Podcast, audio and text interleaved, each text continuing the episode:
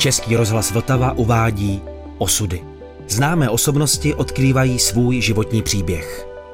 Jana Klusáková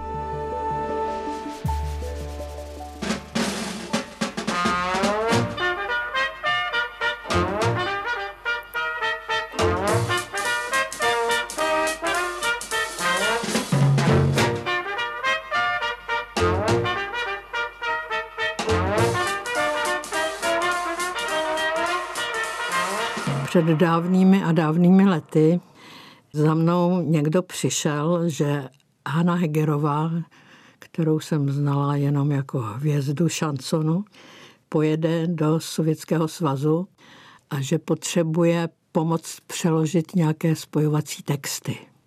Tak já jsem řekla, že velmi ráda se s ní při té příležitosti seznámím. Ona přišla k nám a od té doby je to pro mě Carmen, protože Ona se narodila jako Carmen Farkašová, což byla dcera bankéře Bratislavského.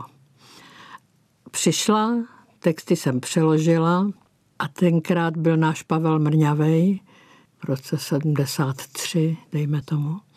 A ona za odměnu, že jsem jí to pomohla přeložit, já jsem nechtěla žádný peníze, mi proto malý dítě přinesla džínový obleček krásný, takový měkký.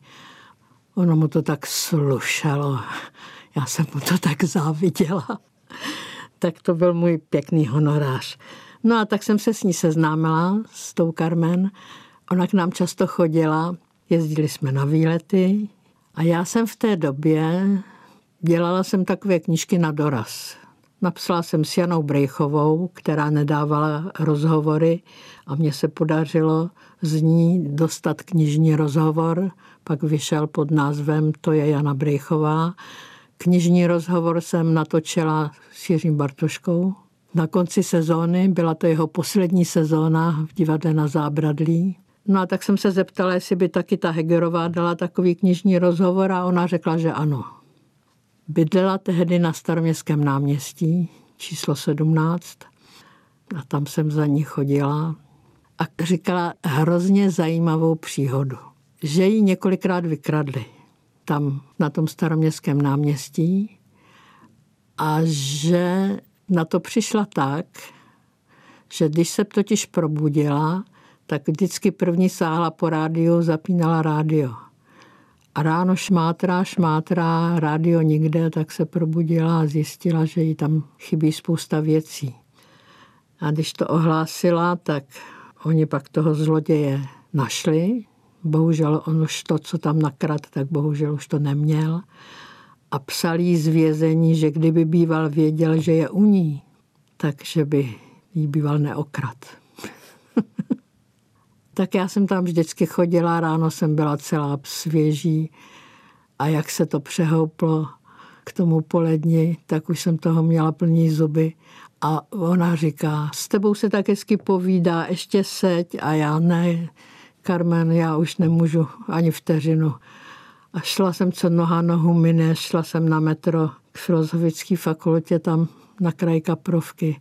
Úplně vyčerpaná, přišla jsem domů nikdo na mě nemluvte. Nebyla to legrace. No a přiblížily se prázdniny. Já jsem tu knížku dala jakž takž dohromady a samozřejmě, když s někým dělám knižní rozhovor, tak mu to dávám autorizovat, tak jsem mi to přinesla a řekla jsem, prosím tebe, přečti to, protože ten je na to nažhavený nakladatel. Fotky jsme měli už archivní, všechno možný. A ona mi nevolá když já jí volám, tak telefon nezvedá. No prostě až po čase mi dala vědět, že ta knížka nemůže vyjít. Ona vždycky, když byla v rozpacích, tak začala mluvit slovensky. Věž, taká jsem zranitelná. A já jsem říkala, ale čím seš upřímnější, tím to má větší sílu. Teď podívej se, ty slavné herečky, ty tamhle od Bergmana a tak dále, co všechno na sebe řekli ne, musíš tam škrtat. Já jsem říkala, tak co chceš vyškrtnout? Syna alkoholika. Tak jsem řekla, tak dobrá, co ještě? Ještě známosti nějaký. No prostě, knížka nevyšla. Ale bohužel tenkrát nebyly tiskárny, nebyly počítače, všechno jsem ťukala na stroji a já už jsem pak neměla žádný exemplář, protože různí nakladatelé to ode mě chtěli, slibovali jí, že to vydají i s CDčkem, nebo vlastně tenkrát s LPčkem spíš. Nikdy nevyšla, já nemám žádný rukopis, vzala to voda. Vím, že jednou jsem nastoupila do metra a ona tam seděla. A já jsem si sedla proti ní a říkám jí už. A ona, a a, a a. Tak to takhle dopadlo. Hrozně mě to mrzí. Jednou mě sebou vzala, domluvili jsme se, aby ta knížka byla pestřejší, takže mě vezme na koncert a ještě mě řekla, že mě vezme jako kostymérku, že jí podám o přestávce jinou sukni. No tak to jsem řekla, že beze všeho. Vím, že jsme jeli někam mimo Prahu a byl to fantastický zážitek, protože byl tam narvaný kulturák a lidi nosili dary. Jedna paní přinesla čokoládový dort. Jedna paní přinesla prstínek. Lidi nosili kitky, to ji úplně zahrnuli. Viděla jsem, jak je oblíbená mimořádně. A hlavně jsem viděla, jak je absolutně profesionální. Viděla jsem to zblízka. Viděla jsem, jak ti lidé tam přišli jako jednotlivci a pak odcházeli jako publikum Hany Hegerové. Odcházeli v dobrém rozmaru, v takovém dojmu, že to přece jenom na světě není tak špatný. Opravdu byla to radost jí takhle pozorovat.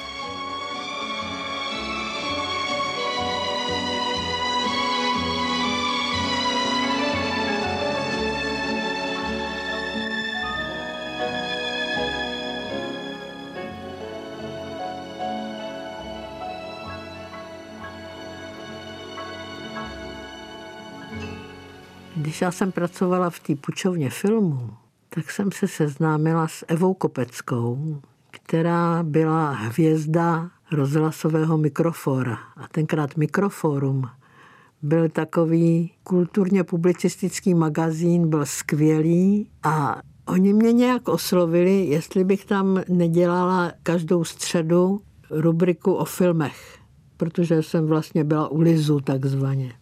A já se pamatuju, jak dneska, jak jsem poprvně v rozhlasovém studiu. Byla jsem úplně volšová. Jsem dejchala, polikala. Teď jsem to četla tak jako často o tom čárka, nebo také ne, čárka, přemýšlím, tečka. Hrozně. A Eva říkala, dejchej, dejchej, uklidni se, napí se vody, všechno. No to mě bylo málo platný. Jsem byla úplně v hrůze.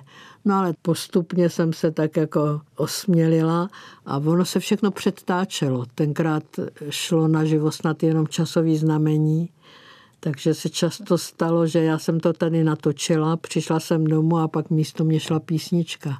No ale prostě tak mě trošinku naučili se toho mikrofonu tak nebát. No oni pak nás všechny vyhodili. Nejdřív vyhodili tu Evu Kopeckou. To byla drsná škola. Ale Eva byla skvělá a celá ta parta toho mikrofora byla skvělá. Byl tam Pepa Podaný, chodil tam pravidelně takzvaný Jevťa, neboli Jan Vodňanský. Nejdříve vyhodili ty opravdový rozhlasáky, protože třeba Eva Kopecká vysílala v srpnu 68 Znáte naše hlasy, říkala, tenkrát se vysílalo z nějakých pobočných pracovišť někde v nějakých bytech. Dokovat nás slyšíte, můžete nám věřit a tak dále. No tak tyhle ty lidi šli jako první. Nejdřív nesměli na mikrofon a pak vůbec nemohli být ani v rádiu. A Eva někde v nějaké laboratoři vymývala zkumavky celý léta a tak dále.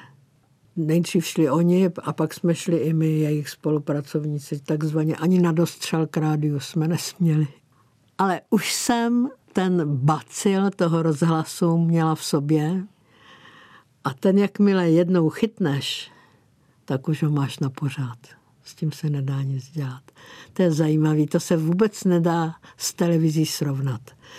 K televizi jsem si taky přičichla, ale televize to je pro mě hrůza. Když na mě míří kamera, tak si připadám, jako když na mě míří dělo, kdežto tady to rádio, to je radost. Pak mě vyhodili z učovny, tam mě vyčetli i to, že jsem jezdila do toho Ruska, tam mě pak vyčetli všechno. Tam totiž, já se pamatuju, jak když přišli ty Rusové, tak tam se osazenstvo se tam rozhodlo, že se nebudou hrát žádný ruský filmy. A já jsem byla proti. Já jsem řekla, nekupujme jich 56 do roka, to bylo totiž období, kdy se kupovalo 56 sovětských filmů do roka. No to je horor. Já jsem řekla, ale nebuďme ode zdi ke zdi, to nemá cenu, že jo? Jako všechno jo, všechno ne. No lezla jsem jim tam na nervy. Takže oni mě vyšoupli a teď já jsem vůbec nemohla zavadit o práci. Já jsem chodila nejdřív pražský filmový podnik a tak dál. A mě se vždycky ptali, jak jste na tom se stranou. A já jsem řekla, děkuji, dnes už jsem byla. Nejdřív jsem si myslela, jako, že bych chtěla nějaký jako takový aspoň trošku redakční místo, no tak to vůbec nepřipadalo v úvahu. Prostě nic. A tam, kde my bydlíme, tak tam byl takový pavilon, byl, ten už je dávno zbořený. A tam byla rakvičkárna, cukrárenský rakvičky. A oni měli na výloze nápis přijmeme uklízečku za výhodných pracovních podmínek. Tak já jsem vzala našeho Pavla za ruku a šla jsem tam a myslela jsem si, že když oni večer odejdou, tak že bych ty formičky tam měla, protože přes den jsem se snažila překládat něco. Ten vedoucí mě vyslechl a řekl, bohužel my tu uklízečku potřebujeme, aby tady byla průběžně, protože tady je hodně práce a ty formičky se musí mít pořád. A já jsem řekla, tak to já bych přece jenom neprosila. A on nám nasypal do pytlíku rakvičky a tak jsme s pytlíkem rakviček zase tam teď odešli.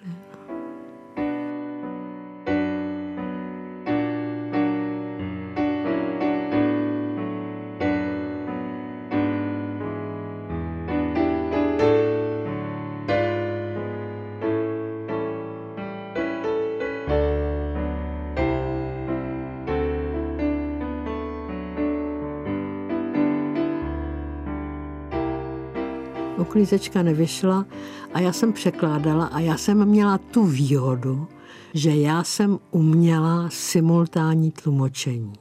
To znamená, že posloucháš a současně mluvíš. A dokonce, když bylo takzvané s odpuštěním kecací téma, boj za mír třeba, nebo odbory, tak nejenže zároveň posloucháš a mluvíš, ale ještě taky u toho luštíš křížovku. to už pak byly vrcholové výkony, to spíš tak jako říkám ze žertu. Byl takzvaný konferenční servis a byla tlumočnická organizace, já už nevím, jak se jmenovala, svaz tlumočníků nebo něco takového. Pro obě jsem pracovala a ty holky byly hodný, protože věděli, jak jsme na tom, ti organizátoři. A vím, jak mě hrozně mučilo, když se muselo jet z Prahy a já jsem tady nechávala to dítě mamince. Třeba byla konference o modrotisku někde na Moravě, tak prostě jsem měla na konferenci o modrotisku.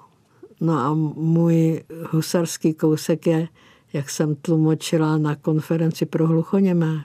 Hlavní téma té konference bylo, kdo je postiženější. Jestli hluchoněmí nebo slepý. Protože z toho pak plynuly nějaké sociální výhody, kdo je postiženější. No tak samozřejmě, že ti hluchoněmí konstatovali, že postiženější jsou oni, protože jsou mimo veškerou komunikaci. A že by neměli používat takovéto prstové písmo, ale mluvit takovým tím hrtanovým hlasem jak jim neklesají ani nestoupají. A to mám takovou příhodu, to jsem pak vyprávěla Evaldu Šormovi, režisérovi, tuto příhodu a on říkal, jako z Buñuela. Oni, že chtějí jít na Olšanské hřbitovy, na pohřebiště sovětských vojáků, ti hluchoněmí, tak jsem je tam odvedla. Oni tam šli k tomu pomníku a já takhle stojím tam vzadu. Vím, že byl podzim, jsem tak v kabátku byla, byla mi zima. Teď oni se otočili, šli ke mně, šli na mě a ten glavný gluchaně můj, který, jak mě zdůrazňovali, že je v Sovětském svazu vlastně ve funkci ministra, protože tam je jich tolik, těch hluchoněmých, že on má takovou významnou funkci. A on mě právě tím hlasem neklesajícím a nestoupajícím takhle se mnou zalomcoval a řekl mi, Čechy, Čechy, co jste to provedli, my jsme vás osvobozovali a vy jste nás zradili. A teď já tam stojím za všechny ty Čechy a říkala jsem si, vydrž to, vydrž to. Tak jsem to vydržela, viď? A zase on se za chvilku zasmál, oni mají takový specifický humor, říkají takový fóry. A šli jsme ho tam tady. Překládala jsem, to bylo nejhorší, nějaký technický texty. Sbírala jsem odborný slovníky. No, musím říct, že jsem si docela rozkošatila tu roštinu díky tomu. A hlavně překládala jsem filmy, protože když se posílali filmy do Ruska, naše, tak se k tomu posílali přeložený scénáře, jako milý dárek. A já jsem to překládala. To mi zadával Film Export. Byli jsme celá parta takových vyvrhelů do různých jazyků. Vím, že třeba do angličtiny překládal Petr Pujman, tak to syn dvou národních umělců, spisovatelky Marie Pujmanové a režiséra Ferdinanda Pujmana. A dělala jsem taky titulky k filmům, to znamená, že ten film jsem musela několikrát za sebou vidět. A vím, jak to bylo fantastický, když šel film Pokání, Abuladze, Pokání, geniální gruzínský film. Prvně jsem ho viděla na ředitelství filmu v Jindřišský. Byli jsme v zamčený promítačce tam dole a byl tam nějací funkcionáři a já a ti funkcionáři, protože se nepočítá, říká se, byli tam čtyři lidi a tlumočník, ten se nepočítá. Takže když to skončilo, říkali, a co to bylo? To je surrealismus? Já mlčela, jak zařezaná. Vzal jsem si vyvolové surrealismus, jak do zrcadla.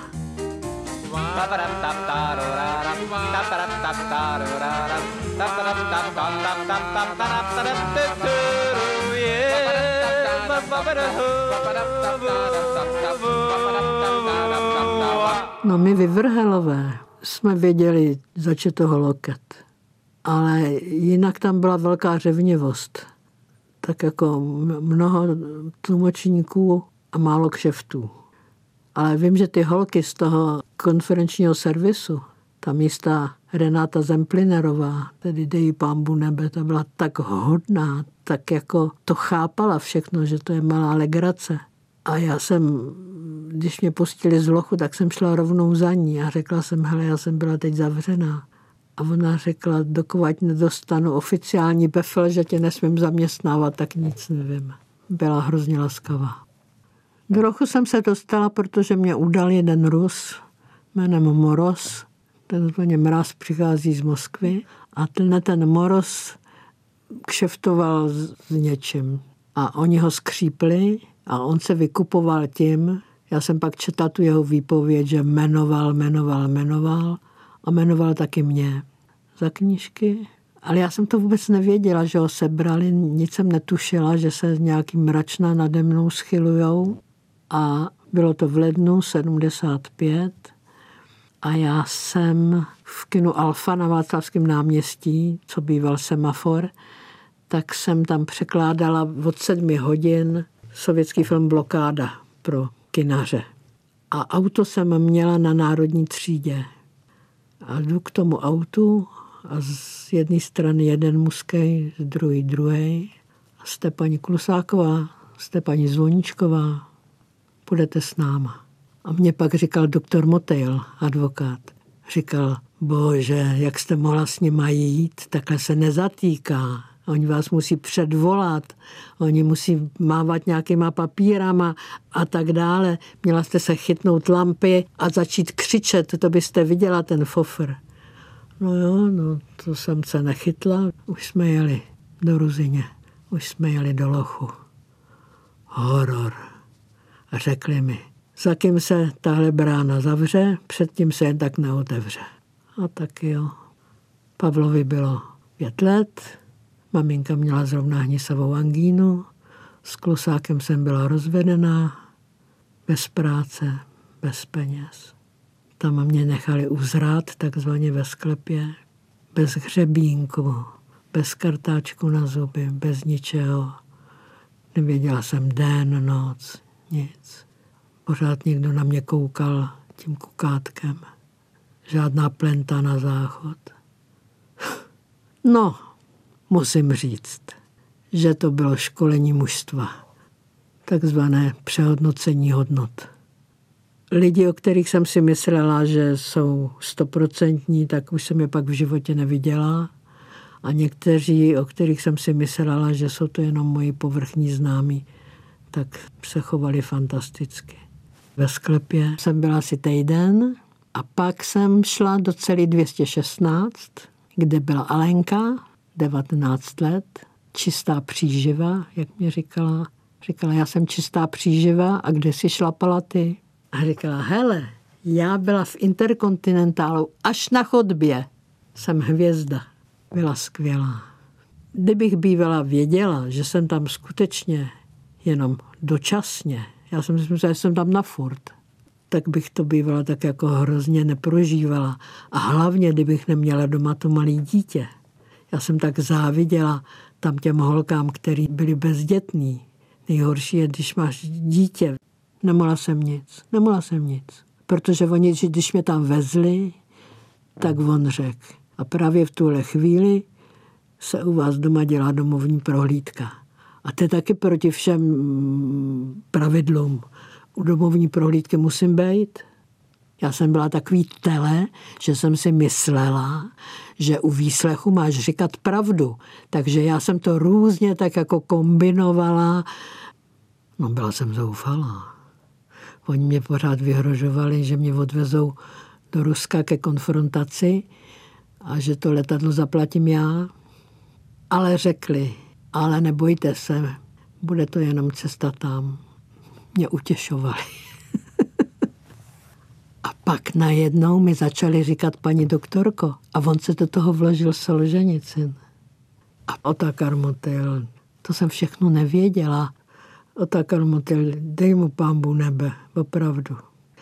Pan doktor Motil se ke mně dostal tak, že já jsem byla bez práce a jeden český herec, který ho tady nebudu jmenovat, mě navrhl, že když dám dohromady 30 tisíc a půjčím je jednomu člověku, takže on mě vrátí potom 50. No tak, jsem dala dohromady 30 tisíc. Bylo to dobrodružný a s tím člověkem jsem se sešla. Já jsem byla hlavně úplně blbá. Já mu dala 30 tisíc a mě bylo tak jako blbý říkat mu, dejte mi potvrzení. Vzal 30 tisíc a zmizel. Řekl, a tak, jak jsme se dohodli, vrátím vám těch 50 do měsíce. Uplynul měsíc, já mu volám, neozývá se, já mu píšu doporučený dopisy, nic není o něm slyšet ani nic, nic. A já jsem se tenkrát přátelila s Ester Krumbachovou, filmovou to čarodějnicí. A říká mi to. A Estera řekla, mám pro tebe záchranu, jmenuje se Otakar Motail, je to doktor, úřaduje v Praze Věčný ulici, má kancelář, zavolej tam a odvolej se na mě. Tak já jsem tam zavolala, řekla jsem, pane doktore, mohla bych, prosím, a on řekl, přijďte v 9 hodin. Já jsem řekla, tak jsem tam v 9 ráno. On řekl, ne, myslím v 9 večer. Přišla jsem v 9 večer, tam narvaná čekárna normálně. Přišla na mě řada, já mu to vyprávím a on mě řekl, a kde máte potvrzení? Já jsem řekla, nemám, mě to bylo hloupý. A on řekl, milostivá paní, dovolte, abych vám řekl, že jste kráva. Já jsem řekla, jen si poslušte, máte pravdu. A on z něj ty peníze dostal. Já jsem tam přišla a ty peníze tam takhle ležely. A to mě pomohl taky. On mě pomohl, že když mě pustili z lochu, že to skončilo podmínkou. To jeho obratností a on takový poctivec zachránil mě normálně. Protože on byl super poctivec, tak pak mohl dělat to, co dělal, protože oni na něj vůbec za nic nemohli. Byl úplně skvělý. A on mě zachránil svou obratností, že jsem nešla potom sedět. Mohla jsem si jednu adresu vybrat, kdo mě tam může psát, tak maminka mi psala. Naše zlatá maminka mi psala, neplakej, byli tam jiní lidi a kde jsou dneska. A oni, co tím chce vaše matka říct? Já jsem řekla, já nevím. Asi píše o panu prezidentovi, Husákovi. Jak mi říkala jedna cikánka, která tam se mnou taky seděla jeden čas, říkala, paní, zavřít můžou, pustit musí. A když mě potom pustili a vezli mě domů, tak jsem zazvonila, nikdo to nevěděl, že jdu domů. A otevřely se dveře a to dítě tam stálo v těch dveřích. A teď mě takhle objal ty nohy a jen tak dejchal. A za mnou ty dva fízlové slzeli, oni jsou takový sentimentální. On mě jen tak jako držel Pavlíček. A maminka mu říkala, že jsem na Slovensku, že tam pracuju. A on se mě pak ptal, co si mi maminko přivezla. A já jsem byla jako soudruh Lenin. Já jsem z chleba udělala kostky. Tak já jsem říkala, jo hochu, já ti vezu kostky. Tak měl z toho hroznou radost, no a pak je nakonec sežral stejně. Potom, když se to uzavírá, tak ti dají přečíst, to stálo za to. Vím, že Ivan Strauss, houslista, toho taky vyslýchali ke mně. Oni vyslýchali 20 svědků. A Ivan Strauss řekl, že jsem udělala pro českoslovětské přátelství víc než vaše tanky, řekla. Všichni by měli být chvíli zavřený. Přehodnocení hodnot absolutní. Absolutní. A tam pochopíš, že k životu nutně potřebuješ svobodu.